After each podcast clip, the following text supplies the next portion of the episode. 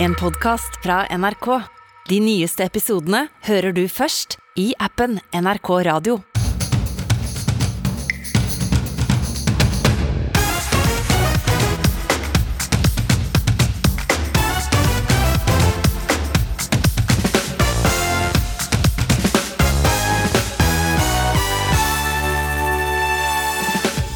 Nå er tiden inne. Vi fjerner nesten alle koronatiltakene. Meteren og munnbindet er historie, og vi skal snart sjekke stemninga på skidestinasjonen Voss. Er det riktig å drive avl på hunder som kan risikere å ikke puste eller ha plass til hjernen i skallen? Hundeeier møter veterinær i ukeslutt. Og skihelt og finansmann Bjørn Dæhlie flagger ut til Sveits. Og det engasjerer folket i skiløypa. Jeg syns faktisk at det er litt ja, bortimot litt smålig, faktisk. Han har gjort sitt da, og tatt noe gull. Det er bra.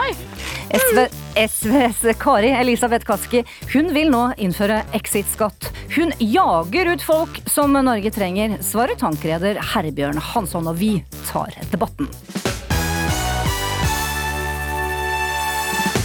Nå er tiden inne. Vi fjerner nesten alle koronatiltakene. Avstand mellom oss er ikke lenger nødvendig.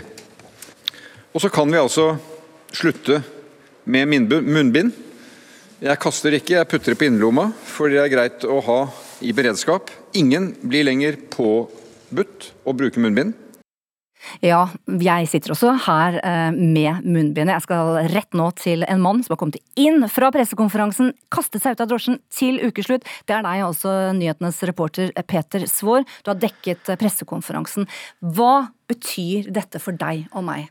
Ja, Det betyr f.eks. at eh, jeg fikk jo en litt sånn lattermild kommentar fra helseministeren når vi gikk inn i taxien, for jeg hadde fortsatt på meg munnbindet. Eh, og Da sa hun at ja, jeg er engstelig type, nå kan du jo kaste det. Og så sa jeg ja, men sånn er det. NRKs regler er fortsatt at vi skal bruke munnbind og holde litt avstand frem til noen dager ut i neste uke. Men for de aller fleste nå så betyr jo det som har skjedd i dag, at det, det, de koronareglene vi nå har levd med i to år, er historie. De er borte. Vi kan leve som normalt. Vi kan uh, slipper å holde en meters avstand. Vi kan danse på byen. Vi kan ha så mange vi vil på middagsselskaper hjemme.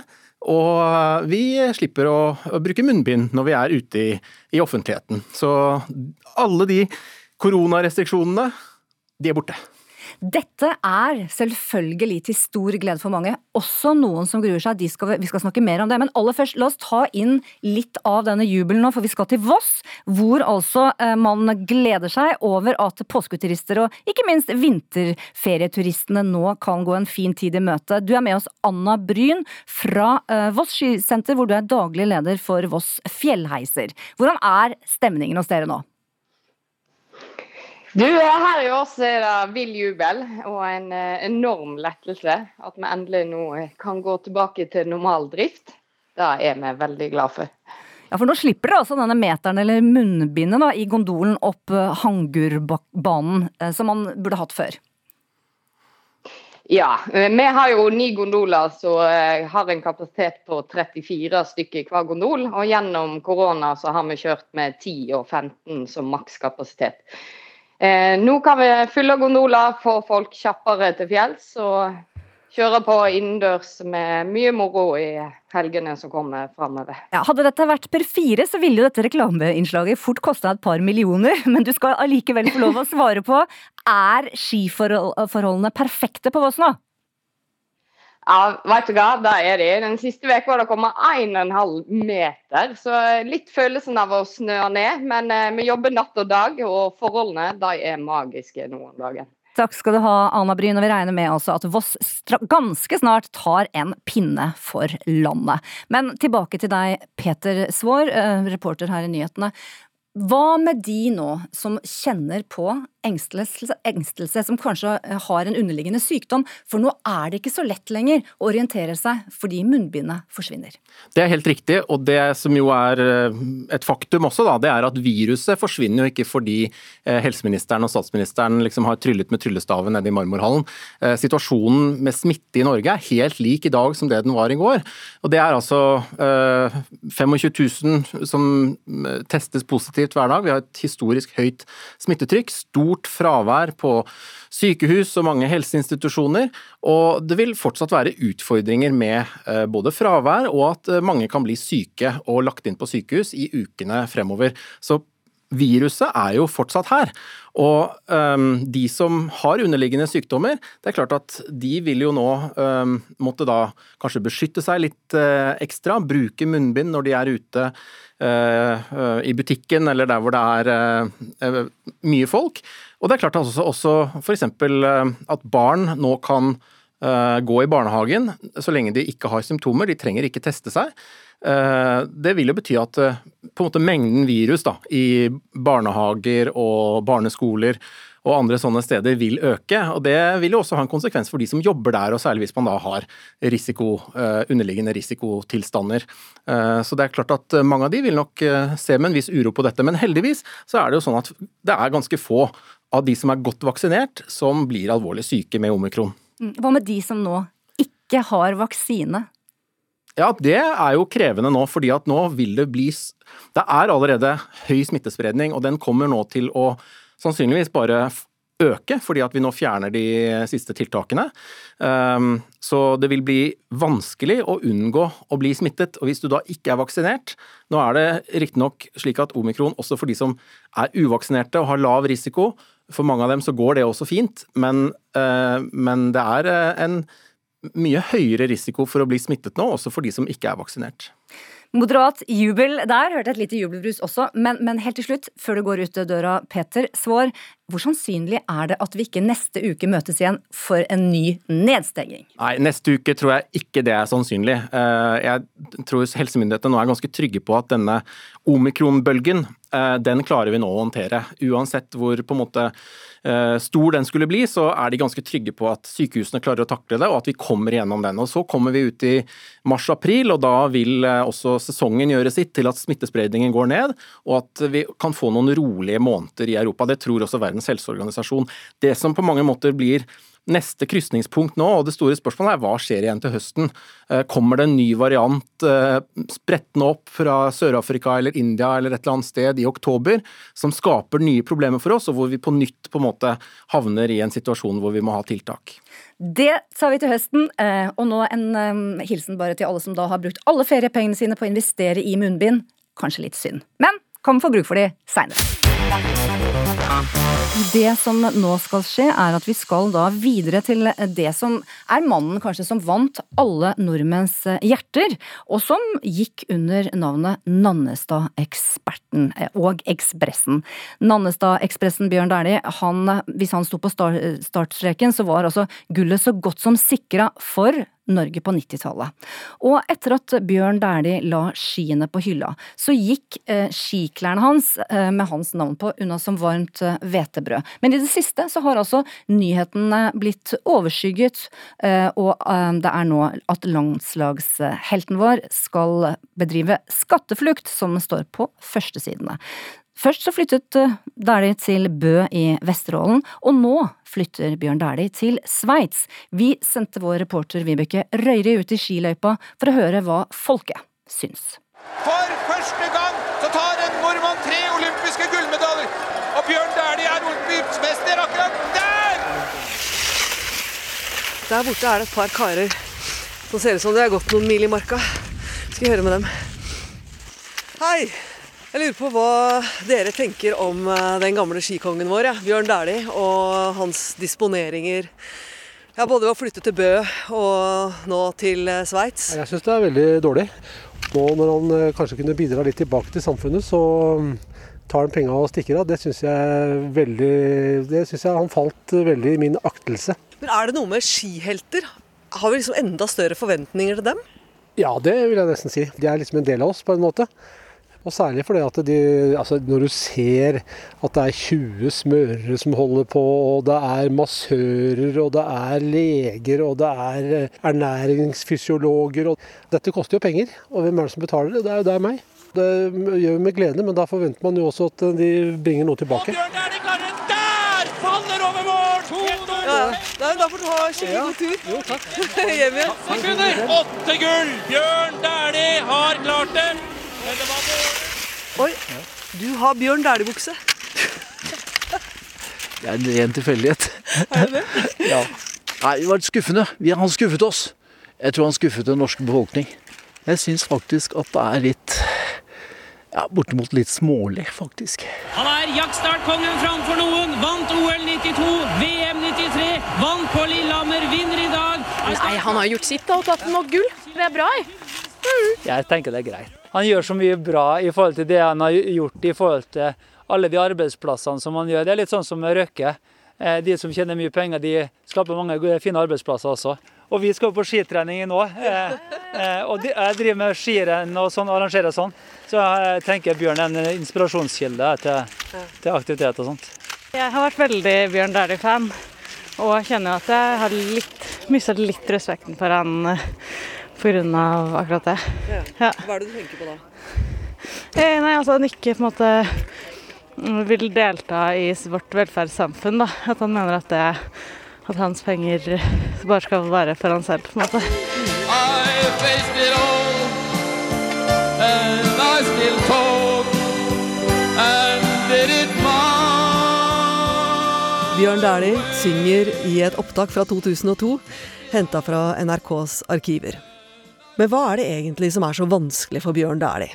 Kan det være at vi skal ut av skisporet, og til en som befinner seg nærmere forretningsutviklerhjertet til Dæhlie, for å få noen svar? Driver man næringsvirksomhet, så ligger det på en måte i hele ryggmargen at man skal forsøke å på en måte gjøre kloke økonomiske valg. Det er det ikke noe unikt der. Han er unik kanskje på, på idrettsarenaen, men ikke innen eh, business og næringsvirksomhet. Anders Buchardt har en eh, rimelig svær business sammen med faren Arthur Buchardt. De driver eiendomsutvikling.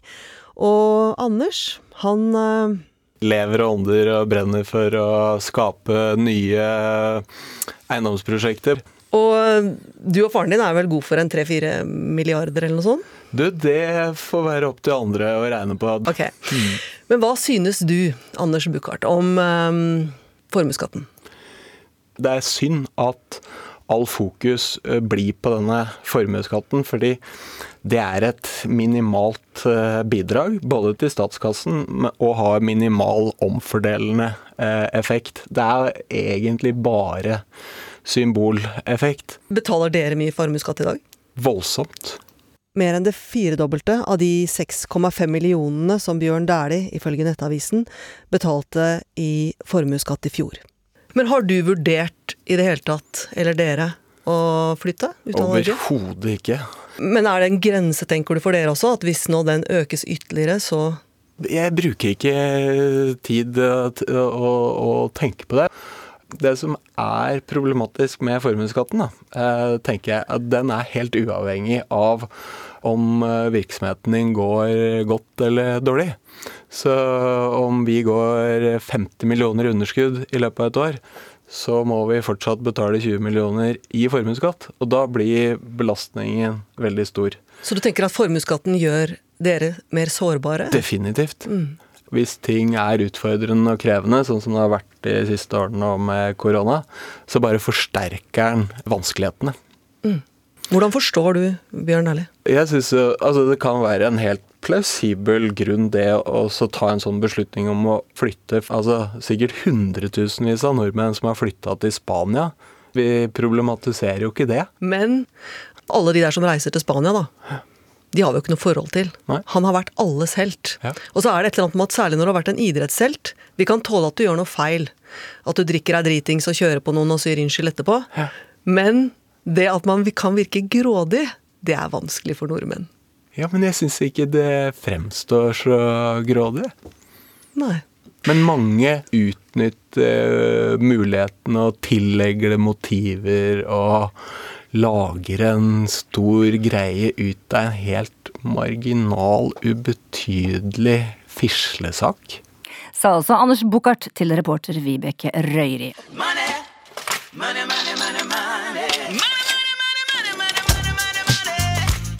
Mm, det skal fortsatt handle om penger her i Ukeslutt. Og som du hørte rett før musikken, Bjørn Dæhlies flytting til Sveits har skapt reaksjoner også blant landets politikere.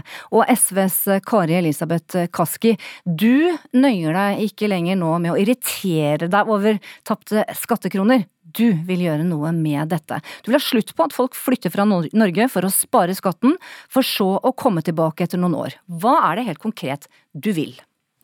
Helt konkret så er det jo sånn i dag at vi har et hull i det norske skattesystemet som gjør at det er mulig å spare opp eh, rett og slett veldig mye penger gjennom eh, gevinst fra aksje på, eh, som man ikke henter ut, som man ikke liksom tar ut av den gevinsten, og da slipper man å betale skatt.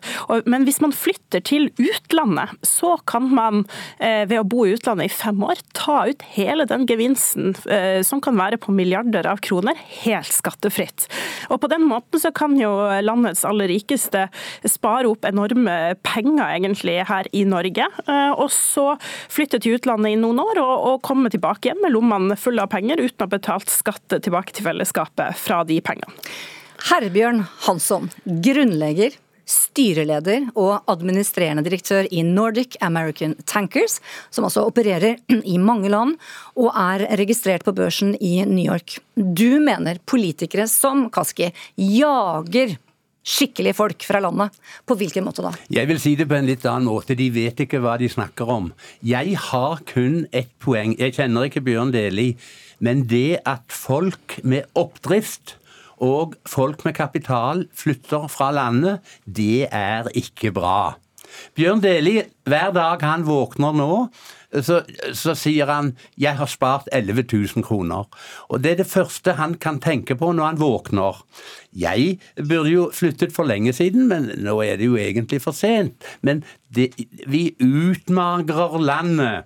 Og hvis uh, Elisabeth Kaski, Kari, skulle og hennes likesinnede skulle styrt dette landet, hvor ville vi vært da? Og hvis jeg skal ikke være så uh, upassende av meg å spørre uh, Kari Elisabeth Kaski hvor mye formuesskatt hun har betalt, men, men la nå det ligge, da. Men jeg mener vi tapper landet, og det må vi ikke gjøre. Kaski, hva, hva, sier du til det? I likhet med mange andre i Norge, så har jeg gjeld og ikke formue for å komme meg inn i boligmarkedet. Eh, men, men, man må huske på her at Norge er et av de aller beste landene i verden å drive næringsvirksomhet i. Vi har også flere superrike per innbygger enn en land som USA eller andre land i Europa også. Det er rett og slett veldig godt å bli og være rik i Norge. Og jeg mener at det er rimelig at vi står tjent er rik i Norge, nytt godt godt av høykompetent arbeidskraft, god infrastruktur, en utbygd velferdsstat. Da må du bidra også tilbake til det fellesskapet. Og Blant annet da med denne nye exit-skatten som du lanserer. Hva slags skatt er det du snakker om her? Jeg mener at det ikke er rimelig sant? at de pengene du har tjent opp i Norge, at du bare kan flytte til utlandet og hente de ut, sånn at du kan bruke de pengene uten å betale skatt på det. Så det er jo rett og slett å tette det skattehullet der, sånn at du må betale skatt ut av den realiserte avkastninga. Du tar altså helt fundamentalt feil. Eh, det du sier, det er bra at vi tapper landet for ressurser. Det er bra. Det er bra at de rike flytter. Og det er ikke derfor de flytter. De flytter pga. pekefingeren. Og de sier tillit til myndighetene. Se hva de har gjort i Stortinget. De har sittet der og krafset til seg selv med pendlerboliger og annet. Og det skaper ingen tillit. Vi har ingenting å skryte av. Og for å si det veldig eh, spissformulert til deg, eh, Kari Elisabeth Kaski. Hadde du fått det som du ville, så hadde du ødelagt store deler av dette landet. På hvordan måte da? På, på, det det var ingen verdiskapning. Hun sitter jo og sier det at hun har aldri betalt skatt noen steder. Ja, betaler jo også skatt! Og, og du lever Det fins andre skatter enn formuesskatt. De fleste betaler inntektsskatt i det landet her. Du, du lever uh, på en fiksjon. Det er problemet. Forholdet er det. Jeg har en sønn som bor i Monaco. Akkurat nå er han i Midtøsten i store forhandlinger. Ja, for Det leste vi i Finansavisen i går, hvor vi egentlig på førstesiden var Kaski. Så kunne man lese litt inni noen nyheter om dere. Ja, det var én side om Kaski på forsiden. Og så var det én side av meg på side 14. Det er jo diskriminering av første orden, altså.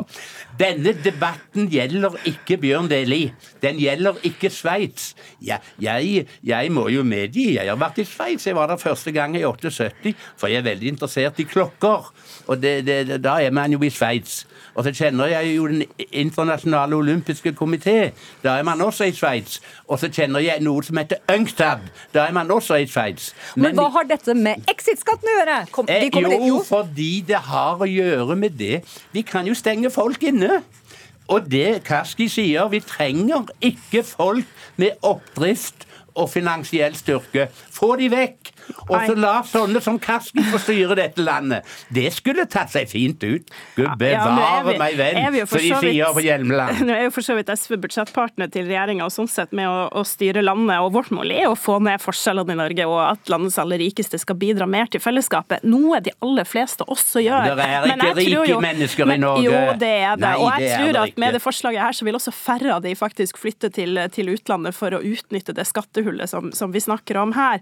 Eh, Og realiteten er at når vi er inne på inntektsskatten, da, som i praksis det her vil innebære, så er det sånn pga. denne type skattehull at den jevne sykepleier betaler en høyere andel av sin inntekt i skatt enn det de aller rikeste i Norge gjør. Det er grunnleggende urettferdig. Og hvordan skal, for det lurer man på, hvordan er, kan dere forklare, hvordan er det denne skatten da, exit-skatten skal regnes ut? For det er da slik at uh, SV, dere ønsker at den skal regnes ut på forventet uh, inntekt? Nei, altså Den eh, er jo i praksis en skatt du ville måtte betale, en utbytteskatt f.eks., som du ville måtte betale i Norge hvis du hadde henta ut gevinsten fra aksjer f.eks. i Norge. Men realiteten er at du kan på en måte bare samle opp de her gevinstene, holde de i holdingselskaper uten å betale skatt i Norge. Formuen vokser og vokser på det. Og så reise til Sveits og bo der i fem år og ta ut hele det her, milliardbeløp, uten å betale skatt. Det er et stort skattehull. Det har aldri vært meninga at du skal kunne gjøre det, og jeg tror at det blir spekulert i akkurat det. Du er ikke bare på villspor, du er på feil villspor. For dette er ikke snakk om Sveits, det er ikke snakk om Dæhlie. Det er snakk om ressurser som går ut av Norge. Men du vil ikke ha velstående mennesker i Norge, du, Kari Elisabeth Kaski. Og det er fair enough, du må gjerne mene det. Men dine teorier og dine synspunkter ville bokstavelig talt ødelegge businessen i dette landet. Men er det ikke fair da at eh, mennesker som er, har slått seg opp og, og har en, en viss inntekt og formue, gir noe tilbake til fellesskapet da? Al absolutt, hvis, hvis de blir værende i Norge. Men, men det er klart, hvis eh, Kari Elisabeth Kaski vil nekte folk å reise, og vil nekte folk å komme tilbake, så kan du se hvilket samfunn vi ville få. Og jeg tror ikke det norske folk er interessert i det. Vi trenger arbeidsplasser, og vi trenger folk med oppdrift, og vi trenger folk med innsikt. Og, og så ikke snakk om de rike. De rike Der er det jo ikke så veldig mange velstående mennesker i Norge. Og jeg ser hvor mange der er i utlandet. I, i, i Syd-Frankrike og i Monaco er det ca. 80 stykker. Og ungdommer, inkludert min sønn, intelligente folk. Det er klart de burde vært i Norge, men hvis Kaski og likesinnede skulle få styre her, så ville de ikke være her. Min, Nei, spørre- min sønn har bodd i Norge Ja. i utlandet i 20 år. Han sier 'jeg vil ikke tilbake hit'. Og det syns jeg er synd.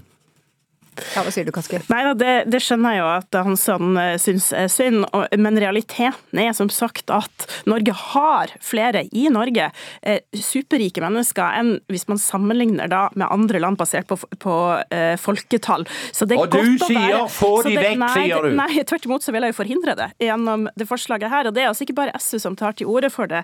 Ole Andreas Elvik Næss, som er forsker på Norges handelshøyskole, har Der også har jeg pekt på gått, jeg kan ja, alt om ikke den. sant? Har akkurat tatt til orde for det samme i Dagens Næringsliv, annet. Så dette er et skattehull som aldri har vært intendert, og derfor så er det nødvendig å ta det vekk. Hvis du tar Dagens Næringsliv til inntekt for deg, da snakker du med feil mann. For Dagens Næringsliv sa til meg deg, Hansson, de, de, skal vi ta, sa de. Men du, Hansson, du skal få svare her nå. Kanskje det norske folk sitter og lurer på det denne lørdagen.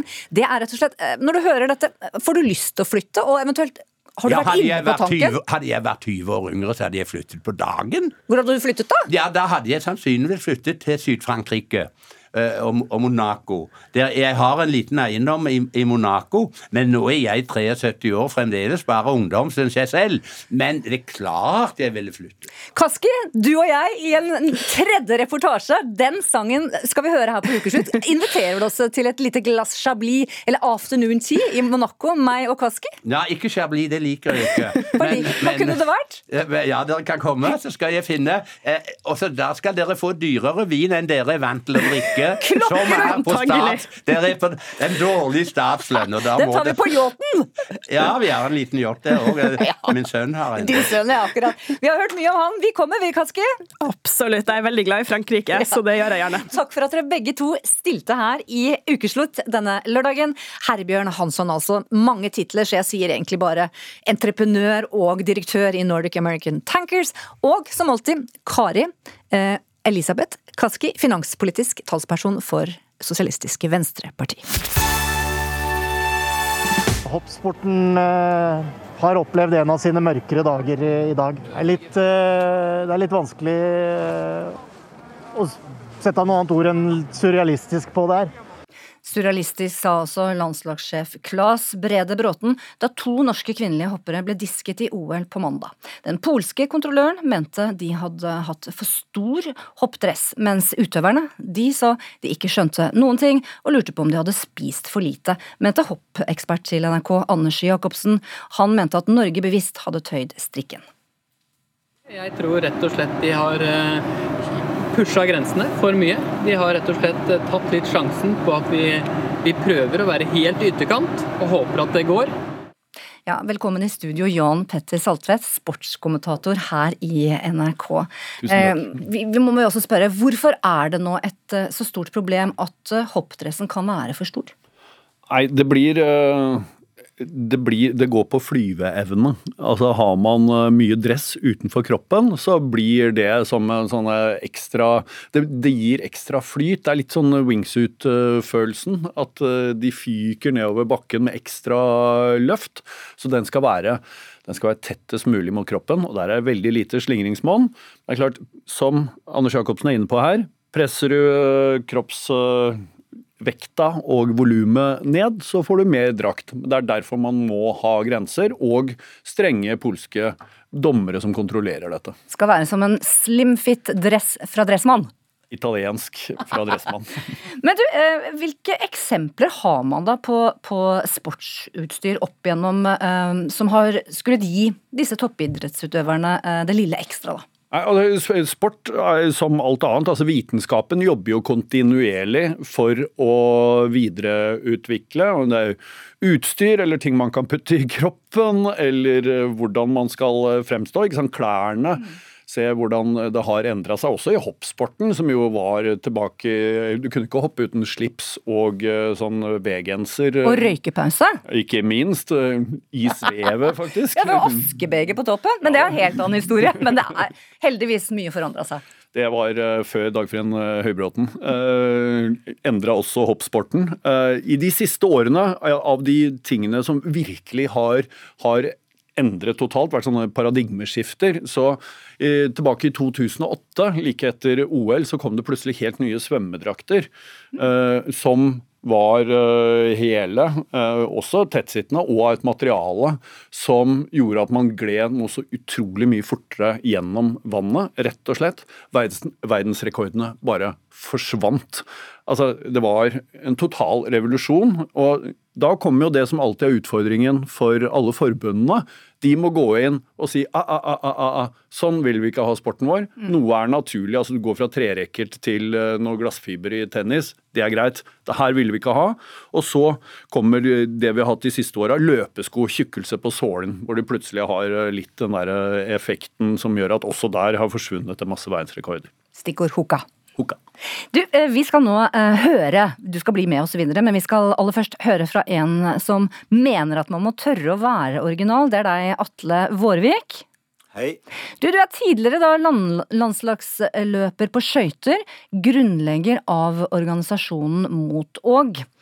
I OL, eh, eller i hvert fall i 1994, da, så sjokkerte du en hel skøyteverden da du dukket opp i denne røde trikoten med en stor stjert, som også fikk kallenavnet Donald Duck-drakta.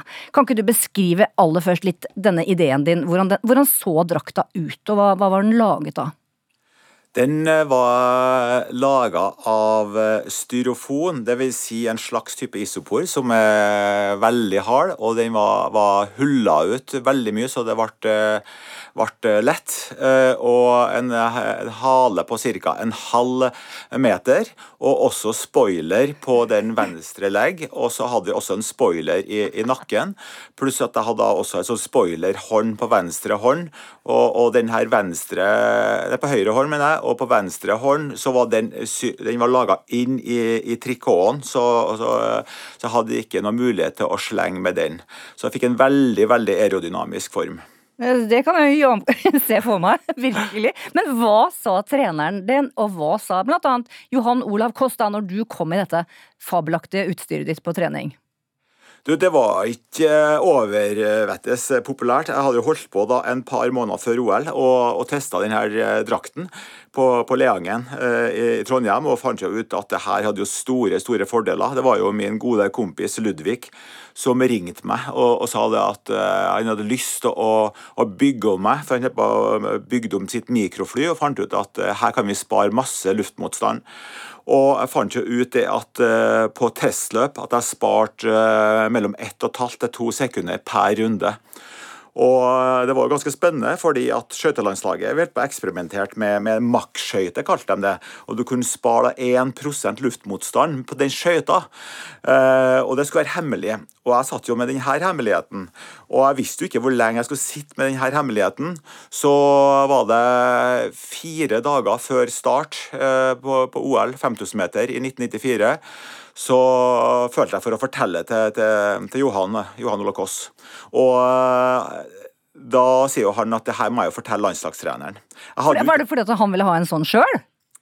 Jeg tror kanskje han syntes det var såpass uh, en stor annerledeshet at uh, Og han hadde vel kanskje en mistanke om at uh, landslagstreneren ikke var kjempebegeistra for det. Og ja, Da hadde jeg jo holdt på å jobbe en stund med, med akkreditering for Ludvig, han oppfinneren, så jeg kunne ha med han, for det var jo en, en krevende jobb bare å få på seg det her utstyret. Og, ehm, så da måtte jeg bare bøye meg i støvet. Og, og tre dager før eh, start, 5000 meter eh, på skøyter, så spurte jeg landslagstreneren og fortalte om ideen. Eh, men det ble et totalt nei. Ja, Men den kan, den kan funke i utdrikningslag? Ja, det er mange som har uh, brukt den. Jeg måtte ha, jeg måtte ha starta opp med å, å, å, si nei, fordi at uh, jo, den lever jo fortsatt, uh, bl.a. gjennom at jeg er her. Så da uh, må vi ta vare på den. Så, men, det, men, det, skal jo sies da at ja, du fikk ikke delta i OL med denne stjerten og drakta, men, men Donald-drakta den fikk du bruke i NM. og hvordan gikk det? Du, Det gikk jo bra. Jeg hadde jo bestemt meg for at jeg skulle bruke den på, på siste eh, distanse. 10 000-meteren var i Larvik. Og så var det så dårlig vær, eh, og da ble det omgjort til 3000 meter. Og, og, det var jo litt skuffende at det var dårlig vær, fordi at det er jo sånn innen fysikken her at når du dobler hastigheten, så firedobles motstand. Og det gjorde at jeg ikke fikk full uttelling, men allikevel. Så, så på denne 3000-meteren så, så havna jeg på, da, på 30 tredjeplass, bare 2,5 sekunder bak uh, Jon Alakås og 1,5 sekunder bak Kjell Storeli, som da to uker før har tatt gull og sølv både på, på 10 000 og 5000. Det betyr jo at uh, med den uh, marginen så har jeg jo faktisk hvert fall en bronseplass i hvert fall i, i OL, og, og, med da større fart så, så ville han hatt enda større fordel. Så det var en, en merkbar virkning, til og med på dårlige forhold. Tusen takk skal du ha for denne oppklarende historietimen fra norsk skøytesportshistorie, Atle Vårvik, som også satt i studio i skøytedrakta denne lørdagen. Men vi skal avslutte med deg, Jan Petter Saltvedt, på dette punktet. For du, du, skal bli med oss videre. For det er jo slik at eh, hopperne våre de er i aksjon nå. Men ganske snart. Vi har også bedt nordmenn gå inn på appen vår på NRK-appen og svare på spørsmål. Syns du det er viktigst at vi slår svensken, eller at vi leder i verden og får flest mulig gull? Og der har du en liten historie. Ja, altså, for det første må jeg si at eh, Når det gjelder hopp, så er det jo eh, Der slår vi svenskene. Ua, uansett. Marius Lindvik ligger på andreplass etter første omgang. Så akkurat der ser det fint ut. 1985, da var hele skiverden litt sånn oppbrudd, fordi skøytinga var på vei inn og man visste ikke helt hva man skulle gjøre. I langrenn. I langrenn i forbindelse med det, svenskenes store skøyteløper Gunde Svan, når han driver og trener skal, i forbindelse med VM, plutselig kommer bildene av han med en én kjempelang stav som han driver og skøyter rundt med. Og han, alle blir så stressa at hele det norske laget bruker da hele våren og sommeren på å prøve å trene inn hvordan man skal gjøre det greiene her og tenker at nå må alt endres. Så viser det seg etter hvert at det var en stor spøk fra Gunde Svan, som da forstyrra hele sommertreninga til våre stakkars langrennsløpere. Jan Petter Saltvedt. Og så da til denne store hva skal jeg si, Det er jo ofte det i OL at det handler eh, for mange av oss da om kampen mellom Norge og Sverige. Og det har de jo gjort i årevis i de mest legendariske eh, dueller. Men eh, ingen har vel overfor Sverige vært mer hoverende, kanskje, enn vår egen Petter Northug, da han sjikanerte altså det svenske kongehus, idrettsstjerne Bjørn Borg og det svenske folk, når han altså spurtslo Markus Helner og Sverige på oppløpet i VM. Det er på eh, stafetten på hjemmebane i Oslo i 2011, og det er jo selvfølgelig fordi at Sverige, de vant jo OL året før. Kong Carl Gustav, can you hear me? Bjørn Borg, Ingeborg Stenmark, you guys took a hell of a beating. Han är en varg som är ute och, och med sina får, men han har ju också en annan sida här. Här är han en gris som driver med sina konkurrenter och det här är inte snyggt. Jag är van med Petter, han är sådär så att det är liksom inget han er sånn. ja, Petter er sånn. Det er mange som kanskje savner han, men uh, nå er det jo sånn da at uh, Sverige de har jo virkelig hatt noen gode år etterpå, som uh, eh, OL i Sotsji i 2014, da både damelaget og herrelaget utklasset til Norge. Og da var de svenske kommentatorene ørelite skadefro. Men det er svensk guld! Og det er bare å si Ytterligere et guld! Niende medaljen! Ingenting kan stoppa Sverige! Nu sliter de, minst sagt. Det är lite, man tycker nästan lite synd om grannlandet just nu. Och här kommer Norge utanför pallen idag igen. Femma igår på damsidan och fyra på herrsidan. Aj, aj, aj Norge. Men oj, oj, oj Sverige. Ja, vi kan jo si ai, ai, ai Sverige, fordi det ble jo en bronseplassering til Sverige tidligere i dag, hvor altså Norge måtte eh, ta til takke med femteplassen. Og fra hele Norge da, så må jeg i dypet av meg selv finne fram og si gratulerer, Sverige, dere slo oss i stafetten OL 2022. Thomas Bader, velkommen. Ja, men takk så mye, og eh, hjertelig takk for at jeg får være med. Du er altså sportsreporter fra Sveriges Radio Vest, altså i Sverige, og vår kollega. Ja, men visst, så er det jo. Du, du, er med oss da direkte fra Skjøvde i Vest-Jøtaland, og dette ble jo en stafett som hadde alt av dramatikk og nerver, også med tanke på Sverige. Hva, hvordan skulle du med ditt svenske blikk oppsummere dagens stafett? Ja, hur ska man eh, ta sig igenom den här stafetten? Det var ju precis som du sa otroligt dramatiskt med ett norskt fall redan på första sträckan där. Ryska laget som drog iväg. Eh, vi, med förhoppningar då att försöka ta rygg på Therese under hennes sträcka och det gick ju ändå bra för svensk del där. Och sen förhoppningar såklart på Frida Karlsson som eh, vi här i Sverige tänker så högt om och har så stora eh, förhoppningar på. Og och sen det här stora tappet inför sista sträckan der man nästan var på väg att ge upp det här eh, chansen på medalj. Och sen ändå så kan eh, vi komma tillbaka och, och spurtslå Finland då. Det var verkligen berg och dalbanekänslor precis som en eh, stafett ska vara tänker jag. Och så slog dere Norge. Hur känns det? Ja, det är ju en speciell känsla. Det är ju precis de här klippen vi har hört här tidligere tidigare och även det vi hörde med eh, vad Gunde Svan gjorde på sin tid för att eh, påverka norrmännen på något vis. Det är en speciell relation och det är klart att det känns, lite extra gott. Det måste jag ju erkänna. Det är en speciell duell. Du skal sikkert oa hele natten, og du skal akkurat nå få lov å si hemskt mye hei til din norske sportskommentator her i NRK, Jan Petter Sval- Saltvedt. Du vil vel kanskje gratulere din kollega i Sverige? Ja, eh, så, grattis så mye, selv om jeg tror eh, Altså, det å slå Norge var vel det positive for svenskene eh, den gangen her. For veldig mange, meg selv inkludert, mente jo at de hadde det beste laget på papiret. Og så er det jo synd at Frida Karlsson ikke er i den eh, formen svenskene hadde, hadde ønsket. Og jeg smiler ikke når jeg sier at jeg syns det er eh, synd. Jeg unner faktisk Sverige eh, alt mulig suksess. Men hva, du, hva vil du si til Thomas Bader og SVT og det svenske folk her nå? Er dette noe du tror dessverre at svenskene skal um, kunne venne seg til? Altså arven etter Johaug. Det står jo ikke all verdens i kø. Nei, det, det gjør ikke det. Og det, det er bekymringsfullt eh, for eh, hvordan, eh, hvordan de neste årene skal bli som sports- og ikke minst langrennsentusiaster, som stort sett både hele det norske og det svenske folk er.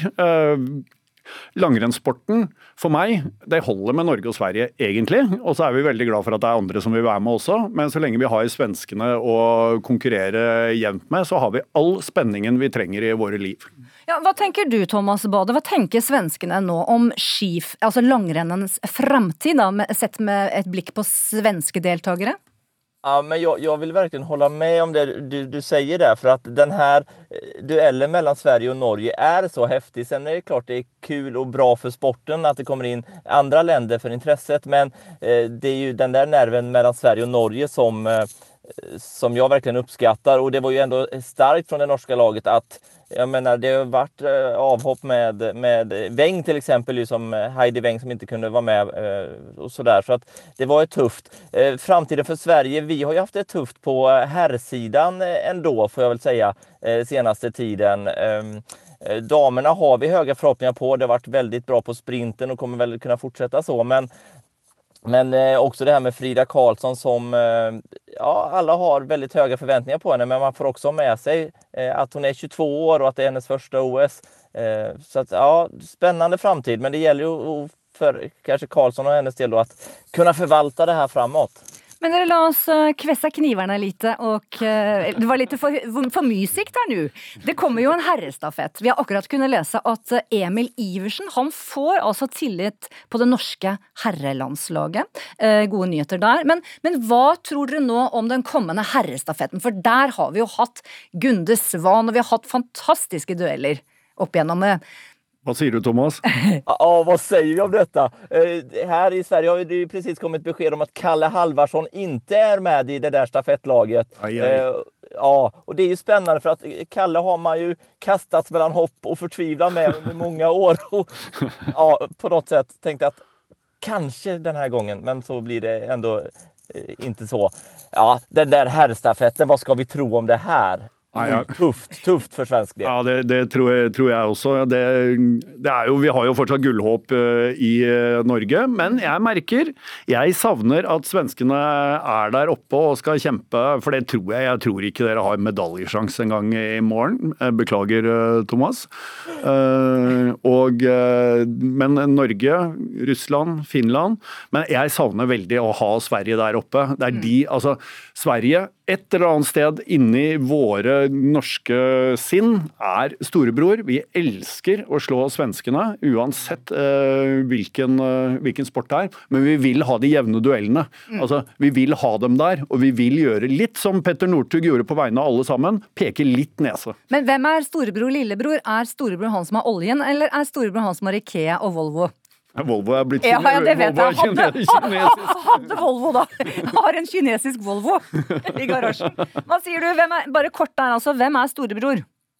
Ja, men ska vi, eh, nu när jag ändå har chansen att vara med hos er, så får jag väl säga att Sverige är lite, lite av en storebror då, eh, på ett sätt. Men eh, det är ju så svårt att säga det där. Men jag lever ju fortfarande på handbollsglädje också från ett tag tillbaka. Eh, och där är ju också häftiga dueller som ni säger, att det är i så många olika sporter. Men vi får väl säga storebror då helt enkelt. Ja, Jeg bare nevner at Norge nå er bedre enn Sverige i golf og tennis, så vi har det ganske fint her Men, borte. men ikke i skøyter.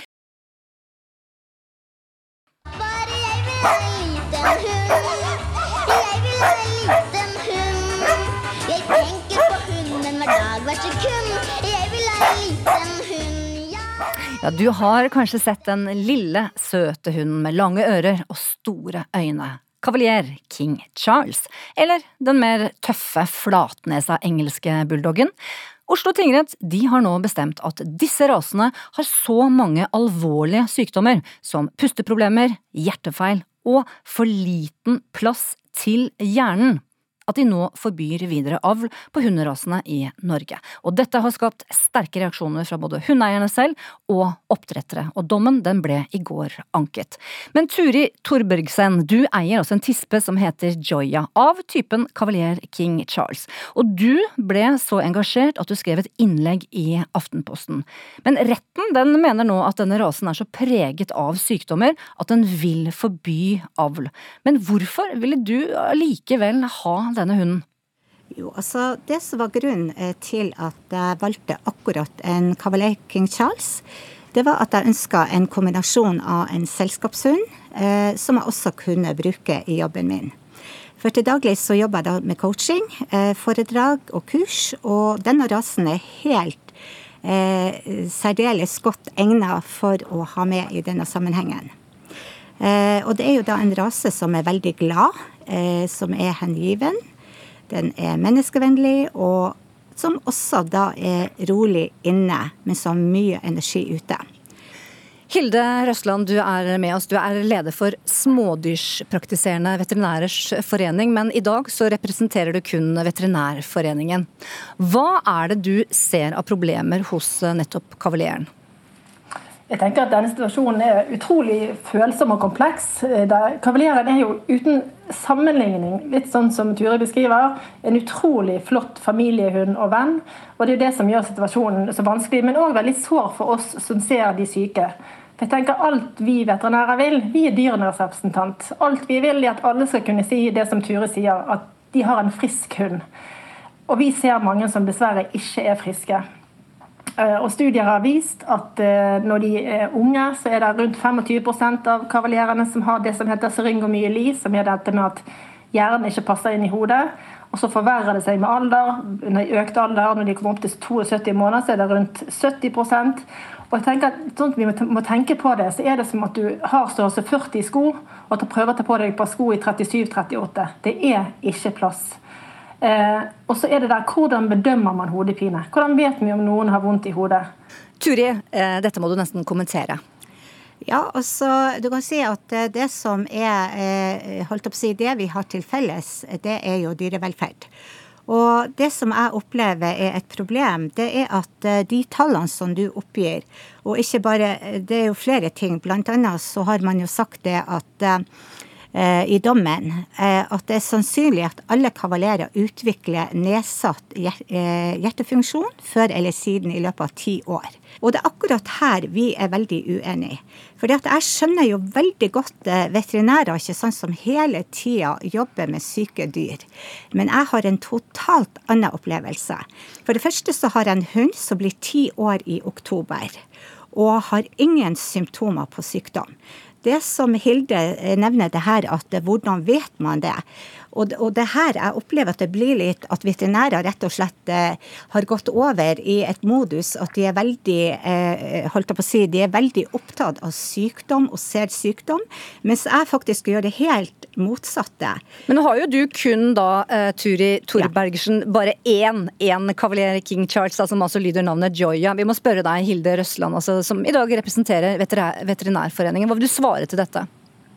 Nei, for det, er det som, som vi sa i sted, Alt man vil, er at alle skal få ha en frisk hund. Dette er jo typisk en familiehund.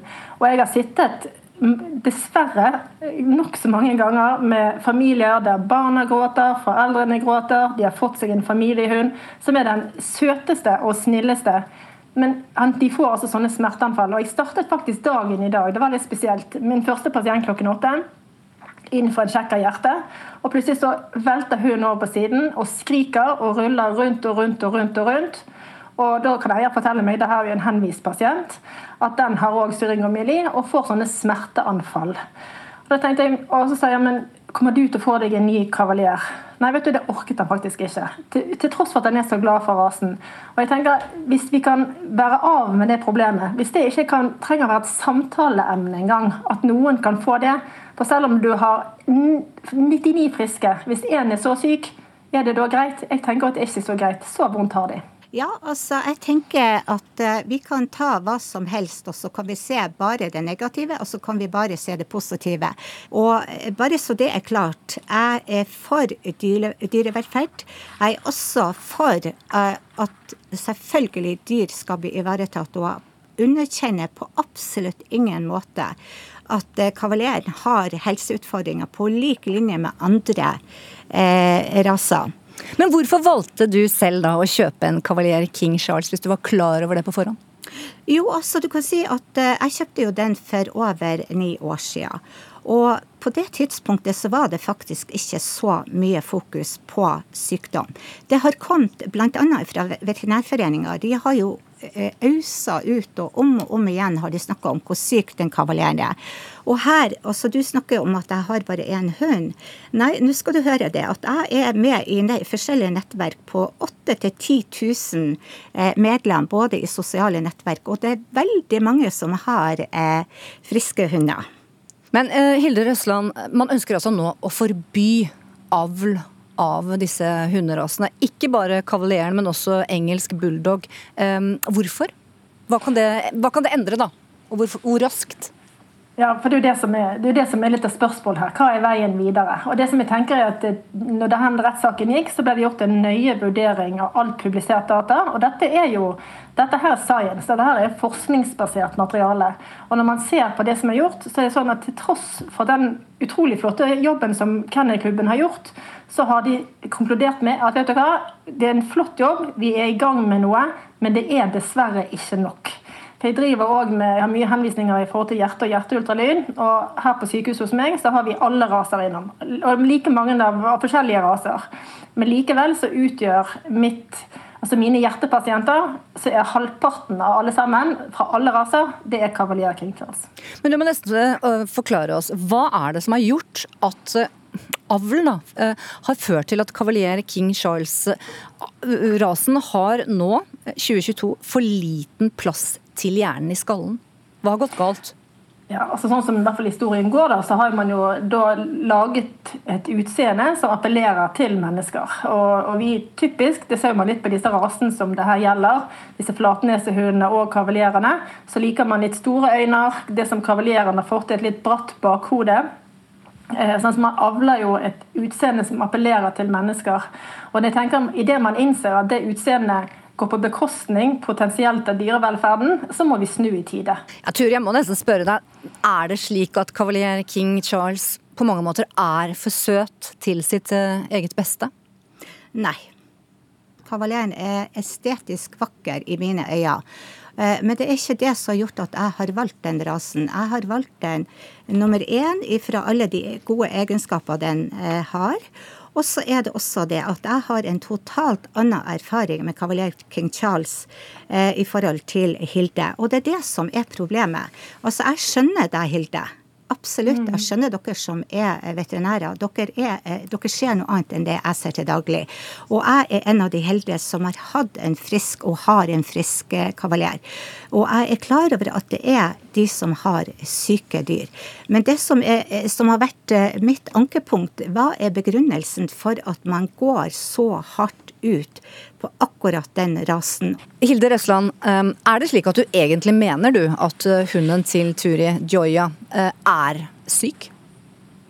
Nei, det er absolutt kavalier der ute som ikke er syk. Spørsmålet er er det nok av de til å ta avl videre. Og Veterinærforeningen mener at det er det ikke. Her må vi en, en, vi må ta en pause. Jeg tenker Det er ikke en stopp, sånn som Veterinærforeningen sier. Vi, setter, vi trykker på pauseknappen, så tar vi en pust i bakken, og så må vi få en oversikt. Hvordan skal vi løse den floken, sånn som vi ser det, som, som vi menneskene har laget av kavalierrasen. Eh, og vi, vi er den formening at det nok må krysses inn andre hunder for å sikre altså spesielt dette med denne hodeskall, den går tilbake, for Hodeskall har ingen funksjon annet enn for utseendet. Og vi kan ikke ofre dyrevelferd over det estetiske. Er du enig, Turi? altså du kan si det at jeg tror eh, at hvis jeg og Hilde kunne kommet eh, til en eh, holdt på å si, på, eh, møtes på halvveien, så tror jeg at dette kan bli veldig bra. Tusen takk eh, til deg da, Turi Thorbergsen, som altså er eier av Gioia eh, Cavalier King Charles, og eh, Hilde Røsland, leder for Smådyrpraktiserende veterinærers forening. Høydepunktene står i kø, og nå dreier det seg altså om hopp i storbakke som pågår akkurat nå. Og jeg må si, Edvin Strømme, du er altså med oss. Du sitter i studio og ser på TV-skjermen, for nå er det Det skjer live her og nå. Hva er det vi må følge med på nå? Ja, Nå skal det virkelig avgjøres. Kamil Stokk fra Polen er utfor bakken akkurat nå. Han ligger på en fjerdeplass etter første omgang. De norske henger eh, godt med. Marius Lindvik skal hoppe for en gullmedalje. Han eh, ligger på en andreplass, 2,2 poeng bak japanske Ryoyo Kobayashi før eh, denne andre omgangen. Og Halvor Egner Granerud har også hoppa. Han gjorde det ikke like bra som vi kanskje kunne håpe og trodd. Daniel André Tande, Robert Johansson greide ikke å kvalifisere seg til finalegangen, men Marius Lindvik han vant kvalifiseringen i går, og nå kjemper han om gullet. Åh, spennende. Ja. Men altså, hva med denne ubestridte favoritten, da? Eh, Kobayashi. Han er jo tilnærmet uslåelig denne sesongen. Han eh, leder eh, det meste som er, og vant eh, hoppuka også tidligere, som er jo nesten det mest ettertraktede trofeet i hoppsporten. Og vant også normalbakkekonkurransen i hopp i OL, og virkelig virker uslåelig. Men med et topphopp så kan Marius Lindvik kjempe om gullet her. Han er bare 2,2 poeng bak, og det er så vidt det er en meter. Nå er det Timmy Zajc fra Slovenia som skal utfor hoppkanten. Har satt utfor, ligger på en tredjeplass etter første omgang. Og Zajc fra Slovenia han flyr ned, ikke det lengste hoppet, og skal nok slite med å ta ledelsen her. Og etter Zajc nå så kommer Marius Lindvik, og da skal mye avgjøres, altså. Vi venter i spenning. Ja. Nå er vi stille. Tystnad, Norge. Tystnad. Ja, Vi må vente først på scoren fra Timmy Zajc før Marius Lindvik Kan jeg spørre deg. Er det som Arne Skeie fortalte meg, at det sitter en fyr, høyt betalt sikkert, mer enn oss i NRK, og drar opp spaken så vi får lyd hver gang en hopper?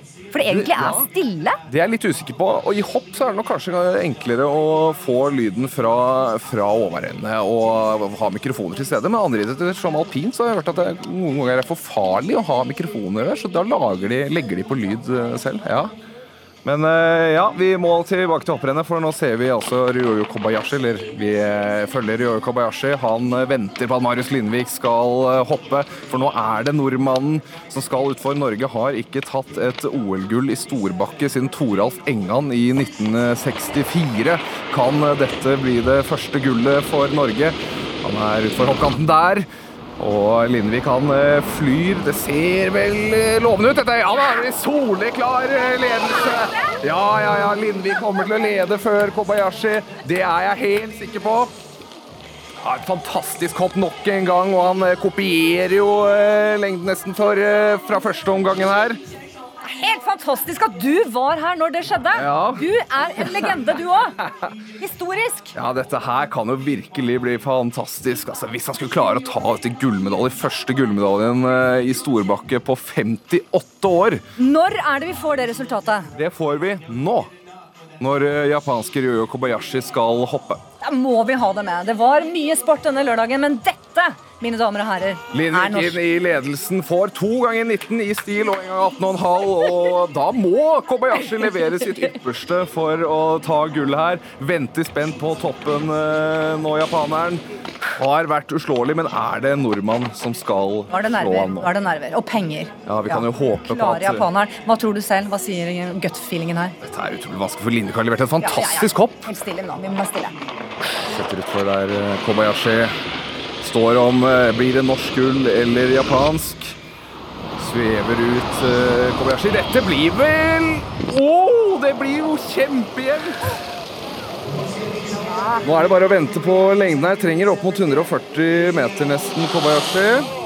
Lindvik tror han har vunnet 138. Dette kan gå, altså. Det kan bli det første norske gullet i storbakke siden Toralf Engan. Før sa man buy yen, sell dollar. Kanskje man sier nå buy Norwegian kroner and sell yen from Japan.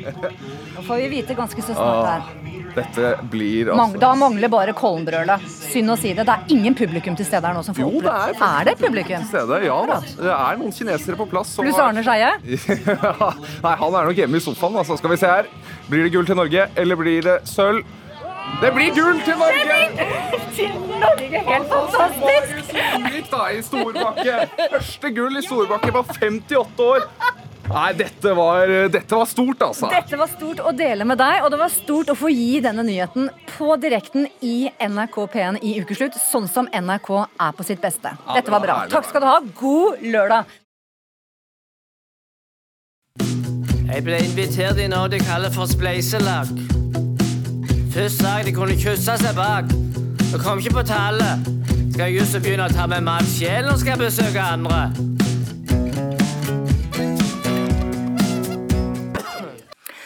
Ja, det er kanskje mange av oss som nå har spart penger på at samfunnet har vært stengt ned, men jeg vil tippe at til uka og framover så vil selskapeligheter, festinvitasjoner og såkalte ja, spleiselag-invitasjoner komme i postkassa til folk. Og spleiselaget, hvis du ikke husker det lenger, det er jo konseptet da hvor for eksempel du lager en overdådig kake til festen, men når du ankommer da, så blir du selv sittende på et bord langt borte fra denne kaka og får servert deg tørr rullekake med prislappen på fortsatt fra Rema 1000. Da kan jeg ønske velkommen til en mann som kan hjelpe, som heter Tønes, som er kalt da vår nye norske nasjonalskatt. Velkommen, Tønes. Takk for det. Takk for det. Kom altså litt tidligere i år, eller i fjor høst, da, ut med ditt tiende album som fikk eh, sekserne kastet etter seg. Og særlig er det da en melodi eller en låt som har gått som en farsott nå eh, over landet. Den ligger også på Spotify med, med over 400 000 avspillinger. Og det er altså en, en hyllest til Waldorf-salaten. Det må du fortelle litt om. Hvor fikk du ideen til denne låta? ja, nei, altså det Waldorfsalat er jo en sånn spesiell rett som mange kanskje har sterkt forhold til. Men jeg tror mamma mener at ideen kom fra et sånn et eh, familieselskap som vi har hver, hver høst, og der, der vi pleier å lage en sånn spesiell eh, salat som ikke er Waldorfsalat, men som er en egen familiesalat på et vis. da. Så, men jeg er ikke sikker. Jeg tror bare kanskje har kokt i hop en del forskjellige ting, og så har det blitt det det blei. Og så merker jeg at du kan godt hende at du er ganske glad i Waldorfsalat, men det virker som om du er en mann som hater eh, spleiselag. For vi skal straks høre låta di, og der kommer det ganske tydelig til uttrykk. Hva er det eventuelt ved, ved dette spleiselagfenomenet som kan provosere en mann som deg? Nei, det, det er liksom Det er uvant, liksom. Er ikke, vi er ikke vant med det her som vi bor hos. Vi, vi er liksom vant med å Hvis vi inviterer folk som er vant med at vi skal eh, gi dem mat og litt oppvertning, da, så det, det er liksom eh, den der usikkerheten med at du kanskje, som du forteller, at du kanskje er veldig sulten og kommer der, og så lesser du på tallerkenen med noe som oi, viser seg ikke smaker så godt allikevel. Det, ja, det, det, det, er ikke godt. Du eh, har også laget denne låten, Waldorfsalat eller spleiselag. Og vi må bare helt, helt til slutt få vite det. Hvorfor er du, og hva har du, så imot spleiselaget? Er du gjerrig? Er, er du gjerrig? Eh, Nei, jeg er ikke gjerrig, men jeg er bare, som jeg sa, jeg er ikke vant med det. Så det er liksom uvant. Og, og han, han personen i sangen han er jo eh, rett og slett Han takler ikke situasjonen han havner i, så han, eh, han takler ikke at han må ta hensyn til andre folk og, og, og komme inn i et nytt system. Da, så, så ja. Jeg må spørre deg helt til slutt, Hvordan er det for deg å komme inn i et nytt system nå, uten munnbind, uten meteren? Blir det låt av det òg, tror du?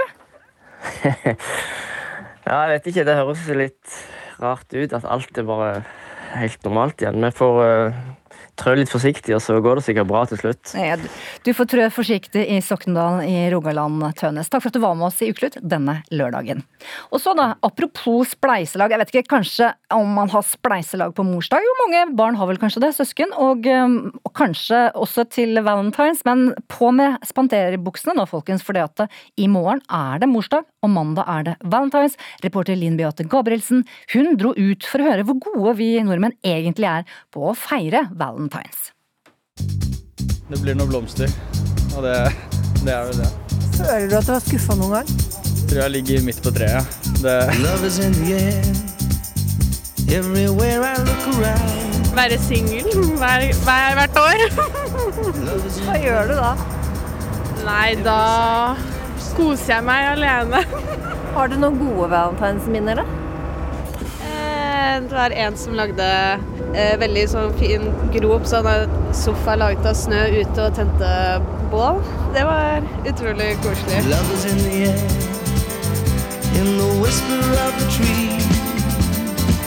Ja, eller eksen min ett år da, han, sendte, han jobba på sjøen, så han sendte en gave eh, i posten, og så fikk han moren sin til å kjøpe et kort og skrive veldig fint i kortet, og så fikk jeg det. Det var veldig romantisk da. Det var veldig koselig da, men jeg var jo alene.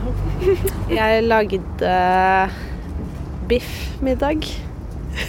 Jeg følte jeg slo ganske på stortromma da. Jeg fikk roser tilbake, ikke så mye mer, men ja. Da ble det god stemning.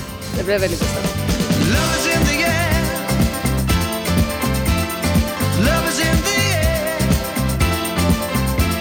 Har du alltid vært bra på valentine?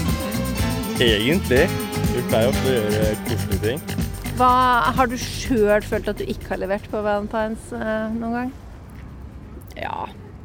Det er jo litt kleint, da. Ofte. Så vi eh, prøver å holde litt sånn low-key for å ikke ta det helt av. Hva er low-key, da? Low-key bare litt hjemme, få noen blomster eller noe, og ikke gjøre så stort nummer ut av det. Helst ikke poste på Instagram og sånn. Har du posta på Instagram? Nei, det har jeg ikke. Nei. Har du bomma på valentines før? Har du skuffa noen?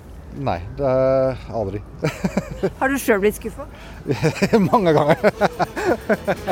Gi bort flere råd, så får ingenting tilbake. Så det er som vanlig for mannfolk.